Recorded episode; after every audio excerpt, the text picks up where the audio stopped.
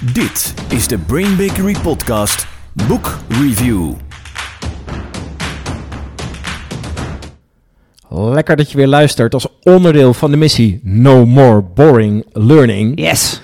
En eh Sjaan en ik zijn hier om te gaan praten over een boek. Ja. Maar we hebben iemand in ons midden. En ja, we hebben vaak bijzondere gasten. Ja. Maar, deze, deze... is, is wel, dit is een vriend van de show. Ja, dit is zeker een vriend van de show. Ja, Hij is gewoon terug. hij is er weer. Timing, bye bye. Ja. Jordi is terug bij ons. Jordi Oosterwijk. Ja, daar ben ik. Daar ben ik. Dankjewel voor deze fantastische introductie. Inmiddels trainer bij Timing. Yes. Super gelukkig. En daar zijn we heel erg blij mee. En tijdens dat je nog bij ons was, hebben we met z'n allen een hele dikke pil doorgeworsteld. Ja. En daar gaan we het volgens mij nu over hebben. Ja, we gaan het er zeker over hebben. Want we vonden het zelf al een eh, fascinerend en interessant boek. Maar er kwam ook, naar aanleiding van onze vorige boekreview, kwamen er ook wel wat verzoekjes binnen. Ja. En een paar van die verzoekjes gingen dus over... Kunnen jullie het eens hebben over De meeste mensen deugen van Rutger Bregman? Dus daar gaan wij het in deze podcast over hebben. En eh, voor de mensen die onze eerdere boekreview hebben gelezen... betekent dat wij drie dingen gaan doen. We gaan je vertellen in het onderdeel Into the Book... over waar gaat het boek in hoofdlijnen over. Is het een beetje leesbaar of moet je het wegdonderen? We gaan in de key takeaways natuurlijk in op de inhoud. En uiteindelijk komen we met een advies, read it or not. Waarom zou je dit in het algemeen moeten lezen, maar natuurlijk ook als L&D'er? Wat kun je ermee in trainingen en leeractiviteiten? Juist. Ja, dus we gaan natuurlijk proberen de inhoud van het boek zo relevant mogelijk voor jou te maken als L&D'er. Laten we eerst maar eens even beginnen met... Into the Book. Het boek telt 517 bladzijden. Mocht je nu denken, get verdemmen, wat een dik boek. Shame on you. Lezen is leuk en belangrijk. Maar dan kun je gewoon deze podcast luisteren. Dan weet je ook Ja. de belangrijkste dingen. Ja. Gewoon 517 bladzijden in een minuut of 20, 25. Ja. Zo makkelijk gaat het tegenwoordig. Ja. Ja, dus laten we eens even hebben over de leesbaarheid eh, van het boek. Ik vond het lekker lezen. En wat het is, het is een verslag van zijn onderzoeksreis. Rutger Bregmans onderzoekreis. Ja, ja, hij doet onderzoek naar, klopt het nou dat de meeste mensen deugen? Of klopt het niet? En zijn wij met z'n allen verschrikkelijke monsters en verschrikkelijke wezens die elkaar naar het hoofd staan? En hij doet daar heel veel onderzoek Naar naar. het hoofd staan. Het leven staan. Naar het leven staan. Goed. Ja, maar als je hoofd eraf is, ik snap het. Oh, ja. Ja, ja, nee, ik begrijp het. Ja.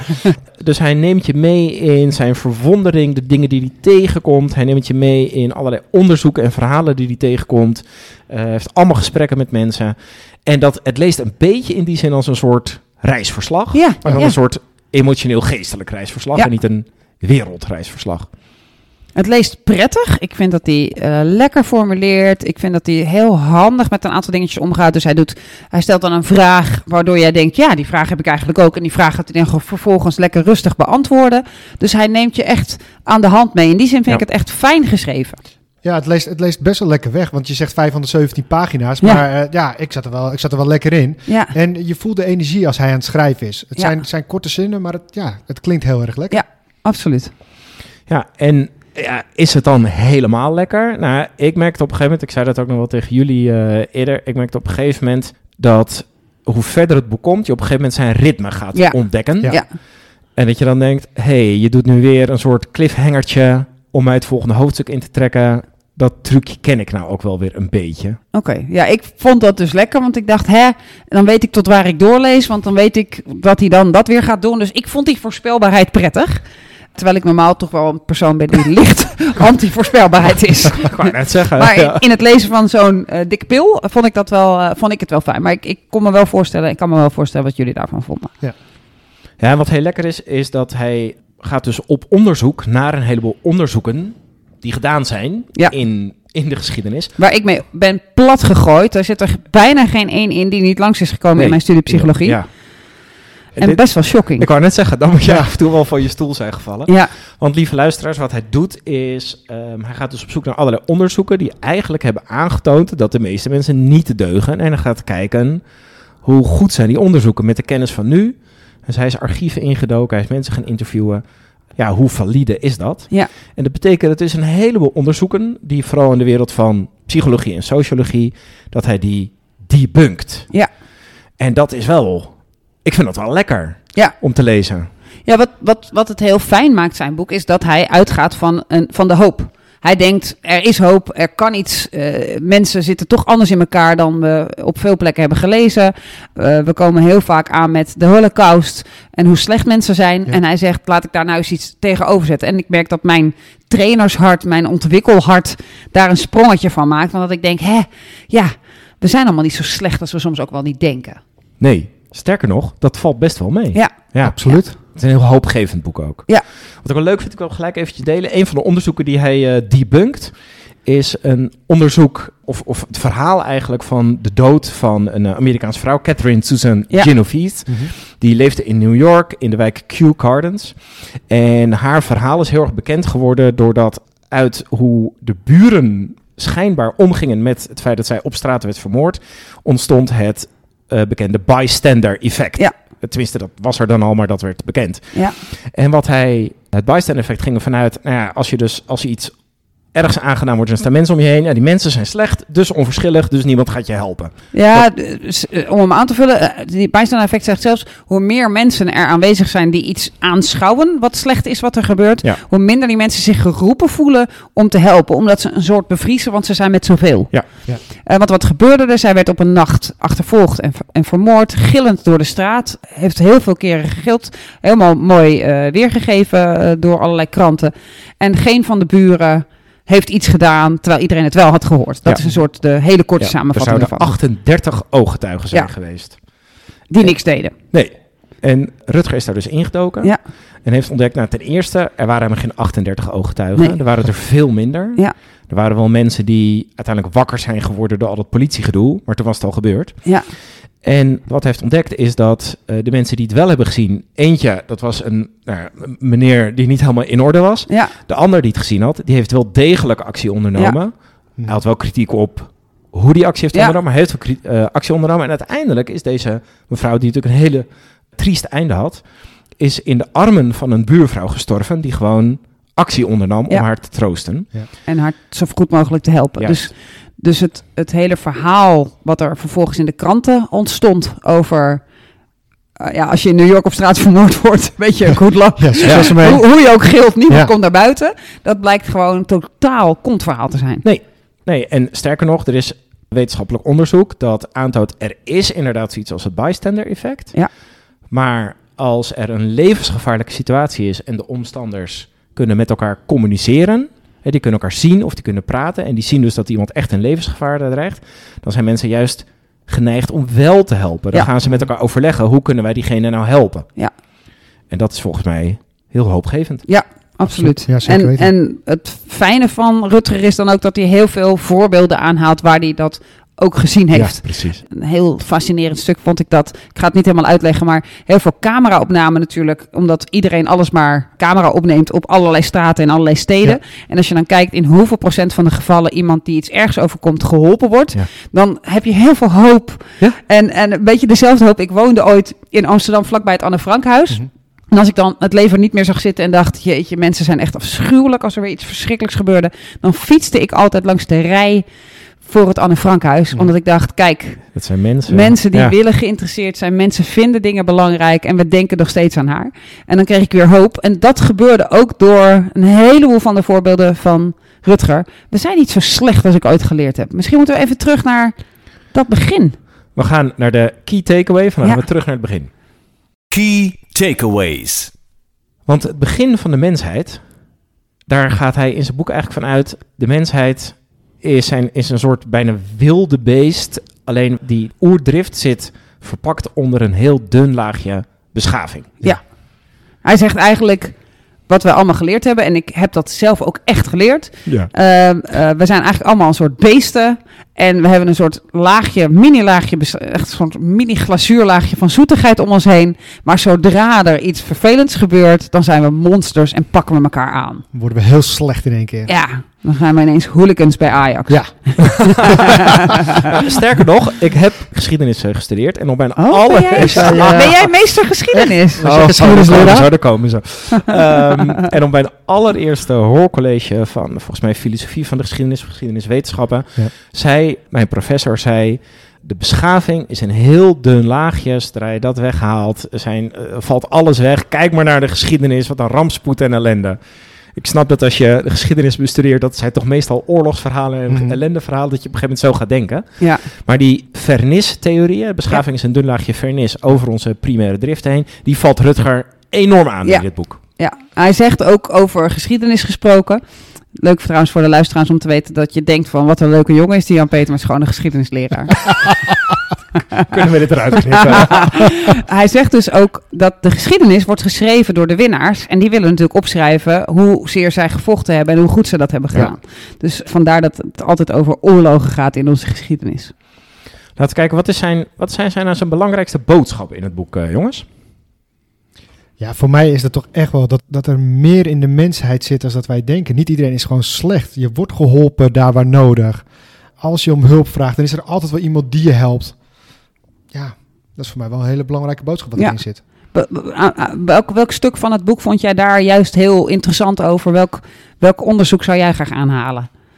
Nou, wat ik een mooi onderzoek vond, was het laatste gedeelte over eh, de varkstrijders. Ja, En dat ze op een gegeven moment die varkstrijders uit het bos zeg maar, gehaald hebben door een hele mooie campagne te voeren. Ja. Over kom naar huis, je moeder wacht op je. Eh, Ja. Kom naar huis, we hebben je al zo lang niet gezien. En dat mensen toen echt dachten van ja, weet je, waar ben ik eigenlijk mee bezig? ja, Ik moet ook gewoon naar huis. Dat, dat, daar word ik blij van. Dat- Dat, gaat goed bij me. ja. Toen dacht ik, ja, dat vind ik wel een heel mooi onderzoek wat ze daarin hebben gedaan. En om te laten zien dat de mens gewoon goed is. Ja, ja inderdaad. eh, iedereen kent het wel, het verhaal van de vark, denk ik. Strijders in de bossen en in de overal en jarenlang weggezet als hufters. En ze deden natuurlijk ook stoute dingen. Zeker. Maar een campagne waarin moeders zeiden: Lieverd, Ja. kom nog thuis, ik wacht nog steeds op je. Ja. Dat ze dat makkelijker over de, over Ja. de schreef trok om toch weer. Al die repressieve tegenmaatregelen van het leger, ja, Ja, dit deed het. hè. Ja, ja het mooi dat je die even aanhaalt. Ja. Ja, en wat denk ik belangrijk is in het boek, want de meeste mensen deugen. Ik heb het er met veel mensen over gehad in de periode dat ik dit boek las. En toen merkte je dat er ook wel wat cynisme ontstond. Ja, maar niet iedereen is goed enzovoort. En Ja. ik denk dat Rutger heel mooi het onderscheid maakt tussen deugen Ja. is iets anders dan een engeltje. Ja. Hè, dan 100 Een totaal goed mens. Ja. alles maar goed doen. Ja. Want ook eh, een mens dat deugt, ik denk dat wij met z'n drieën ook deugen. Wij doen ook vast wel eens dingen die niet deugen. precies. Maar dat maakt niet dat de meeste mensen niet zouden deugen. Ja, ja je, kunt natuurlijk een engel tegenover een zware crimineel zetten. En in die wereld zijn we een beetje opgevoed, hè, zwart-wit. Ja. En hij zegt, fundamenteel deugen de meeste mensen. Ja. Dus zelfs de crimineel, die gaat ook iemand helpen als hij hem ziet struikelen op straat. Ja. Eh, dus er zit iets deugends in de mensen. En, en dat is sterker dan het laagje vernis en haal het weg en ah, we eten elkaar op. Ja, sterker nog, Sjaan, hij gebruikt op een gegeven moment ook onze biologie daarvoor. Hè? Ja, ja, vind ik heel fascinerend. Hij komt met een theorie, dat noemt hij de homo puppy. Ja. En dan bedoelen we niet homo zoals mijn team, de homoseksuele medemens. Maar dan bedoelen we, eh, bedoelt hij eh, de mens als een, eh, een zo'n vrolijk puppy. Ehm, en wat hij daarin onder andere onderscheidt, dat vind ik wel fascinerend, is dat hij zegt... wij zijn het enige dierensoort op aarde waarbij je het wit van onze ogen kunt zien. Ja. En nou heb ik best wel wat dieren in huis. En ik dacht, potverdorie, dat is nog waar ook. Ja. Je ziet, je ziet wel, als mijn honden heel erg opzij kijken, zie je wel dat er een glimmertje wit is. Maar, maar een heel klein beetje. En hij zegt, nou, dat vond ik echt fascinerend. Ik ben toen echt gewoon een week lang in iedereen's ogen gaan staren. Hij zegt, dat wit hebben wij, biologisch zijn wij geëvolueerd om dat te laten zien. Om anderen te laten zien waar wij naar kijken. Zodat wij minder bedreigend overkomen. Want hij zegt, voor dieren die hun leven moeten redden, Ja. is het handig als niemand kan zien waar kijk je naar. Ehm, en wij kunnen dus kijken, oh hij kijkt naar mijn mes of hij kijkt naar dit of waar is hij. Wij kunnen zien wat iemands blik vertelt. Ja. En dat hebben wij gedaan omdat wij samen meer overleven en omdat we eigenlijk fundamenteel deugen. Ja. Eigenlijk wel. Ja, En dat blijkt ook uit het feit dat wij de enige, volgens mij, zoogwezens eh, zijn Ja. die eh, een eigenschap hebben. En dat is het blozen. Ja. ja. Dat is toch wel Eh, bijzonder. ja, schrijft hij ook over. Dat, ik, ja, inderdaad, mijn kat bloost niet. nee, Ik denk jouw, jouw honden ook niet. nee, ze kunnen wel schuldig gedrag vertonen, Ja, ja. maar blozen kunnen Nee, ze niet. En, dat, en met blozen, eh, betoogt hij, zeg je eigenlijk, hè, door dat te doen, zeg je eigenlijk tegen de mensen die, die in je omgeving zijn, eh, ik, heb, ik heb dus iets gedaan dat niet deugt. Eh, Sorry, daarvoor. Ja, oeh, Dus ik het schaam zit, me. ja, het zit in onze biologie om, om te willen deugen en Ja. om de ander vertrouwen te geven. Ja. Zo'n lekker weetje om, eh, om erbij te hebben. Zeker als je geïnteresseerd bent in mensen en ontwikkeling van mensen. En als je dan een beeld hebt dat er een dun vernichtslaagje over ons heen zit. En voor de rest helpt iedereen je naar de tering. Versus, we hebben zelfs blozen ontwikkeld om elkaar te vertellen: Ja. ik zat fout, sorry. Ja, dat geeft mij wel veel moed. Ik zou me dit ook voor kunnen stellen voor leidinggevenden. Ja, Als je als leidinggevende, zonder dat je het wil, vanuit het mensbeeld uitgaat, de meeste mensen deugen niet, ja.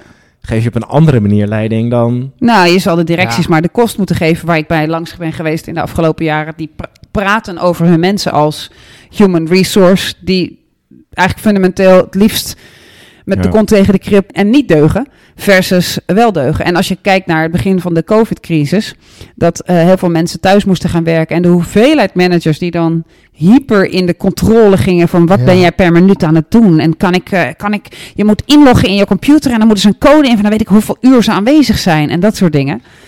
Verschrikkelijk. Ja, en ik denk dat het maakt je leven als manager toch ook veel en veel leuker als je ervan uitgaat dat de meeste mensen deugen en dat ze er echt absoluut voor gaan. Precies. Hij heeft er ook nog een voorbeeld van, hè? Van Enron. Ja. Hij doet een, eh, een voorbeeld eh, over. Nou ja, eigenlijk kun je de hele bankencrisis er wel op gooien. Ja. Hè, als, je, als je mensen ontzettend gaat controleren. En je gaat zorgen dat ze vol wantrouwen ook naar je klanten kijken. Dan ga je uiteindelijk klanten afknijpen. Je gaat vervelend doen en nadoen tegen klanten. En dan uiteindelijk val je gewoon om. Ja. En eh, daartegenover kun je bijvoorbeeld kijken naar het yoghurtbedrijf eh, dat in Amerika heel erg groot is geworden. Waarbij een vluchteling oorspronkelijk, een immigrant, heeft gedacht: ik ga mensen helpen en ik ga de mooiste Griekse yoghurt op aarde maken. En die ging alleen maar mensen aannemen die niet gekwalificeerd waren, die overal buiten vielen. En heeft daarmee het meest succesvolle yoghurtbedrijf van heel Amerika opgezet. Dat, dat vanuit vertrouwen, en ik denk dat je het kunt en je mag er hierbij horen, haal je zoveel moois in mensen naar boven, waardoor het een, eh, een ontzettend bloeiend bedrijf wordt en niet is omgevallen zoals Enron. Ja, dus het, is, wat het levert, precies wat Jordi zegt, het levert een, een leukere dag op. Het levert volgens mij een betere wereld op. Ja. En het is dus gewoon commercieel. commercieel ook nog heel verstandig. Nou ja, Ja. en als je kijkt, eh, tijdens ten tijde van het lezen van het boek en het discussiëren over het boek, want we deden er allemaal andere tijd over, zijn er ook een aantal dingen gebeurd, zoals de toeslagenonderzoeken. Ja. Het vanuit wantrouwen naar burgers gaan. En, en, en weet je, dat. Oh. En wat er ook was, was op een gegeven moment was er een avondklok. En toen kwamen er protesten tegen de avondklok. En toen dacht ik, "Oh, Rutger, het klopt niet. Iedereen maakt alle steden Ja. naar, aan Ja. God Ja. en dat soort dingen. En ineens waren daar de supporters van MVV die op straat liepen. En die zeiden, nee, niet in onze stad. Afblijven onze van stad, onze stad. Af, afblijven van onze stad. Wij zijn een goede stad en wij zijn er voor elkaar. En we gaan niet dingen doen. Een bekende van me die was net een eh, zaak aan het overnemen. En toen kwamen er allemaal berichten binnen. Er gaat gereld worden. En terwijl de andere eigenaren, winkeleigenaren in de omgeving eigenlijk nog nauwelijks wisten wie de nieuwe eigenaar was, hebben ze hun gevonden en hebben ze gezegd: We hebben vast een, eh, een zeecontainer besteld. Die zetten we voor alle zaken zodat er niks geplunderd kan worden. Ja. Samen, we zijn voor onze stad. Ja, kijk naar de helpers. Ja, precies. Hey Jordi, het gaat heel veel onderzoeken aan die het tegenovergestelde bewijs van de meeste mensen deugen. Eén zo'n Ja. onderzoek is een hele bekende, het Stanford Prison eh, Experiment. ja. ja. Ook dat haalt hij behoorlijk onderuit, hè? Ja, ja dat, is, dat is echt een bijzonder verhaal. Want volgens mij kent iedereen wel het Ja. Stanford Prison Experiment. Waarbij ja. echt mensen bij elkaar gezet worden in één ruimte. En de gekste dingen gebeuren daar, Ja. hè, als het ware. Ja, even als context. Hij had een aantal studenten bij elkaar Ja. gehaald, eh, deze professor. En die had hij gezegd, jullie zijn bewakers en jullie zijn gevangenen. En binnen no time sloegen de bewakers Ja. de gevangenen in elkaar. Binnen twee Opstanden, bloed. Ja. professor had gezegd, ik heb ze gewoon bij elkaar gezet Ja. en ze gewoon Kijk. losgelaten. Kijk wat hier gebeurde. Wat er gebeurt. Mensen deugen keer, namelijk ja. niet, want kijk eens wat die bewakers deden. Ja. Ja, hij heeft al honderd keer in interviews aangegeven. Ik heb hier niks mee te maken. Dit is gewoon vanuit de, de mensen zelf gebeurd. En Ja. ze veranderden in beesten. Doordat ze macht kregen. Hè. De Ja. bewaarders kregen macht. En Gingen de dus, gevangenen neerslaan. Nou, ongekend. Ja. Alleen wat er toen is gebeurd, en dat is best wel interessant, is in een passage uit zijn eigen boek, de Lucifer-effect, dat Ja. geeft uh, Rutger Bregman geeft het ook aan, heeft Sim- Simbardo, zo heette die, eh, die psycholoog, heeft hij het opeens over een bijeenkomst voor het experiment. Hmm, En waar hij dus instructies heeft gegeven aan de bewaarders, ja, hoe zij vooraf al eh, kunnen gaan reageren, hoe ze moesten reageren in bepaalde situaties. Ja, en dat is dus best wel, best wel bijzonder. En zelfs heeft een bewaarder Ja. heeft later in een interview aangegeven... ja, ik wilde gewoon wat actie creëren. Dus eh, ik heb gewoon eh, wat stoute dingen gedaan, zeg maar, bij de gevangenen. Ja. Want anders hebben de onderzoekers niks om mee te werken. Dus wat hij aan ging tonen, inderdaad, zo fascinerend, Ja. is dat ten eerste ging de onderzoeker de, de bewaarders ophitsen. Enorm beïnvloeden. Enorm beïnvloeden. Ja. En ten tweede gingen zij dus, omdat die bewaarders dan toch maar wilden deugen, gingen ze zeggen, ja, om het onderzoek Ja. te helpen, zal ik dan nu Ja. toch maar eventjes meewerken. Dan ga ik wel. Ja. Ja, dan, maar ook inderdaad, het is totaal debunked. Want uiteindelijk wilden de mensen ook stoppen. Ja. Eh, die zijn teruggehaald door en die mochten niet weg. Er moest eerst nog wat gebeuren. Dit is belangrijk onderzoek. Ja. Help me nou. En toen pas ontspoorde het. En dat heeft hij allemaal uit de research gela- gelaten. En Ja. inmiddels zijn de archieven geopend en is dit allemaal gevonden. En hoor je het nog heel vaak, denk aan het prison, Stanford Prison Experiment. Heel veel. Heel vaak hoor je hem, maar het is gewoon een kontverhaal. Voor onze luisteraars, hoor je er ooit nog over iemand die ernaar refereert en dus naar, naar refereert op de manier van, zie je wel, de meeste mensen, bla bla bla. Het is dus gewoon een onzinonderzoek. En hetzelfde geldt voor, en ik ga nu even een bekentenis doen, voor de Milgram Experiment. Ja, Eh, bij Milgram ging het over eh, het toedienen van schokken. En wat ze daarbij deden was dat er mensen van straat werden gehaald. Die mochten meedoen aan een belangrijk wet- wetenschappelijk onderzoek. En die moesten een ander, en dat bleek een acteur, dat wisten de, de deelnemers niet, moesten ze schokken geven.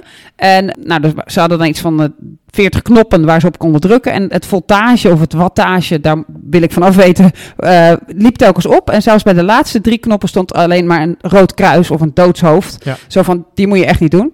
En de taak van de acteur was om telkens fouten te maken, zodat om te straffen, want het onderzoek ging zogenaamd over de relatie tussen straf en leren. En de deelnemer die moest dan iedere keer die acteur een, eh, een schok geven. En daar kwam uit dat 67% van de mensen Ja. zonder scrupules gewoon op die knoppen drukte met die doodshoofden Bam! van. Hoe hard die acteur ook gilde. ja. En dat, daar Dus- is dus ook dat- van gebleken. Dus dan kun je denken, zie je wel, mensen, Ja. wij vinden het leuk om elkaar pijn Ja. te doen. Ja. Ja. Ja, en dan zei ik dus ook, ja jongens, als ik dat dan verteld had en onthuld had in een training, zei ik ook, eh, als je met deze wetenschap terugkijkt naar Nazi-Duitsland, Ja. dan begrijp je hoe slecht de Ja. mens is. Ik ga Oh. er gewoon les in. Oh. Ja. En dat doet Rutger overigens ook. Die gaat zelfs naar die peri- zwarte Ja. periode toe om te kijken van wat, hoe zat het daar dan. En als je daarover durft te beweren dat de meeste mensen deugen, dan vind ik je heel stom. En dat vind ik heel moeilijk. Maar over dat Milgram-experiment zegt hij dus dat die mensen gingen een soort door om de onderzoeker te helpen. Dus het deu- willen deugen. En, en trouwens, een heleboel zeiden: protest, ik doe het niet. Kijk eens naar hem. En dat bleek Ja. veel meer te Ja. gebeuren te zijn dan dat hij had opgeschreven. En degene die dan meededen, die zeiden: ja, ik wil je graag helpen. Dan geef ik nog wel even één schokje Ja. voor jouw onderzoek. En het was volgens mij zelfs ook zo dat als ze wilden stoppen met het, on- met het onderzoek, dat ze eruit wilden Ja. stappen, dat diegene die ernaast stond, Ja. van nee, je moet nog even door. Je Ja. kan nog even hierover nadenken. Je Er nog was even veel drukken. meer invloed, Er precies. veel meer beïnvloed, dus dat is best wel heftig. Ja. En volgens mij is dat een van zijn hoofdconclusies. Dat zijn, nou, ik, volgens mij is zijn hoofdconclusie de meeste mensen deugen. Maar dat betekent niet dat iedereen altijd maar het goede doet. En inderdaad ook refereert naar de Tweede Wereldoorlog. Mhm. Mm. eh, zegt hij op een gegeven moment... ja, mensen zijn in staat om het slechte te doen... als zij oprecht geloven dat datgene dat ze doen... dat dat het goede is. Ja. Dat is iets anders dan... ik gebruik het nu als excuus... Ja. Maar, maar ik voel in mijn diepste dat dit het goede is. Ja. En vanuit dat perspectief gaan mensen dus andere mensen helpen. Ja. Ook al is dat dus wel eens niet goed voor andere mensen. ja, Ik vond dat... ik een- vind dat heel moeilijk hoor. Ja, ja. ja. ik vond het, ik wel, ja. aan de ene kant een hoopgevende conclusie, maar aan de andere kant ook wel dat ik dacht, nou ja, Ja. Nou ja, en als je daarna gaat nadenken over propaganda en de invloed van, nou ja, hoeveel stemmen er naar een bepaalde president gingen in Ja. Amerika Ja. via het beïnvloeden via Facebook, omdat ze daar een persoonlijkheidsprofiel hadden getrokken. Wie is er het meest beïnvloedbaar en die gaan we targeten. Dan vind ik dat soort dingen wel echt heel eng. ja. En het mag natuurlijk nooit zo zijn dat iemand ooit zegt: omdat ik hem wilde helpen, heb ik hem dan vermoord. Dus daarom is het toch, weet je, Nee, no, nee. no, te praten, no, nee. do not go there. Nee. Ja. En wat ik, een andere wat ik interessant vond, die heeft hiermee te maken over hè, die data-analyse op Facebook en doelgroepen. Hij zegt, hoe meer afstand er is tussen de actor en de ontvanger, Ja. eh, hoe groter de kans dat je kwaad kunt doen. Ja. Omdat je dus iemand anders letterlijk niet in elkaars oogwit kunt Precies. aankijken. Eh haalt bijvoorbeeld daar oorlog. Hè, dat oorlog tegenwoordig heel veel lange afstandswapens gebruiken. Ja. Want dan is degene die de trekker overhaalt, voelt zich niet schuldig. En daar haalt hij op een gegeven moment een heel mooi fenomeen, het contact. Het contactprincipe. Als je Ja. wilt dat mensen het goede doen voor elkaar, zorg er dan voor dat ze veel in contact zijn met elkaar. Gewoon letterlijk dat ze elkaar leren kennen. Ja. Onbekend maakt onbemind. Ja. En ik denk dat dat voor L&D'ers, vooral als je in organisaties werkt, en ik maak hem even simpeler, stel je hebt een salesafdeling en een aftersalesafdeling, En die haten elkaar. en die haten elkaar, ja, Ja. dan, kun, dan, kun- dan kunnen ze dus allebei denken, zie je, bij sales deugen ze niet. Nou, bij aftersales deugen ze ook Ja. niet. Laat ze echt in contact komen met elkaar. Een borrel Eh, schenken. ja. Laat ze delen van elkaars werk overnemen. Laat ze begrip hebben voor elkaar. Dan wordt het heel moeilijk om vervelende dingen uit Ja, te halen naar precies. elkaar. Ja. Zullen wij eens naar Read It or Not? ja, laten we dat doen. Read it or not. Goed, Shana, Jordi. We gaan eh, naar eh, een conclusie, maar natuurlijk Ja. wel een onderbouwde conclusie. Jordi, read it or not? Wat zeg jij? Ja, ik zeg read it. Eigenlijk geldt dit voor iedereen die het goede wilt zien in de mens. Dan moet je dit gewoon even gaan lezen. Want er is zoveel slechts gebeurd, maar ook heel veel wat gewoon echt een kontverhaal is. Dat, dat, dat staat ook hier natuurlijk in het boek. En ja, daarom zeg ik gewoon tegen iedereen, read it. En ik denk dat je er als trainer of als L&D'er of als manager heel veel mee kunt. Want als jij het goede gaat zien in de mens die tegenover je zit, ja, dan maakt het alleen maar prettiger om met diegene samen te werken. Ik zeg ook, read it. Het is een lekker boek. Het is een eh, flinke pil. Eh, dus Ja. neem er even de tijd voor. Maar waarom ik het zo- vooral zo lekker vind is... Laat ik het zo zeggen. Ik weet niet zeker of ik er nu van overtuigd ben dat de meeste mensen deugen. Hm. Door zijn boek. Wel door, door mijn eigen normen en waarden. Maar wat wel lekker is, is dat ik denk... Het is zeker niet zo dat er zo'n vernis-theorie is... eh, die denkt, ja, wij deugen dus niet. Nee. En alleen maar door een laagje beschaving kunnen we het een beetje op orde houden met Ja. elkaar. Eh, dus ik vind het een heel hoopgevend boek. Ja, mooi. Ja. Ik zeg ook read it. Ik denk dat heel veel mensen dat ook al hebben gedaan. Eh, ik denk dat waarom ik het meest read it zeg, is omdat het mij echt fundamenteel heeft doen nadenken over een aantal zaken. En dat vind ik echt heel fijn aan een boek. Ik weet dat ik best vaak een boek lees van een schrijver die ik al ken. En dan denk, "Oh, lekker, lekker weer meer van hetzelfde. Want zo denk ik al. En dat dit echt een aantal fundamentele geloven van mij onderuit schopte. Die ik soms wel weer hersteld heb nadat ik even na heb gedacht. En Hm. soms in discussie over ging. Maar dat ik echt af en toe dacht, ik, ik ben een hele snelle en ik lees ook heel veel eh, qua lezen. Dat ik af en toe denk, ik wil hem even wegleggen. Want hier wil ik nog even wat langer over nadenken. En dat maakt alleen al dat ik het de moeite waard vind. En dan ook nog over ja, hoe zitten mensen in elkaar en het groeien in de mensen zien. Ja. Ik heb er theorieën op gebaseerd, Pygmalion, die hij Ja, ook overigens aanhaalt. Dus daar, dat, vind ik erg fijn. Dus ik zou zeggen, ja, lees dit boek als je iets met mensen te maken hebt. Ja, en alleen al, je noemt hem even het Pygmalion-effect, wat Ja. hij aanhaalt in zijn boek. Alleen dat hoofdstuk al is Ja. als L&D'er denk ik al Ja. waardevol en misschien wel life-changing. Precies. Dus read it. Drie keer eh, read it, Ja, hoor ik hier. Absoluut. Rutger Bregmans, de meeste mensen deugen. Jordi, wat heerlijk dat je er weer was. Eh, wat fijn. dat ik je even mocht lenen. heel graag gedaan. En eh, namens Sjaan en mij, lekker dat je weer aangesloten was bij de missie No More Boring Learning. De meeste mensen deugen. Wij gaan eh, afsluiten en heel graag tot de volgende keer. Dankjewel Jan-Peter. No more boring learning. Dit was de Brain Bakery podcast. Wil je meer weten? Kijk dan op brainbakery.com of volg ons op onze socials.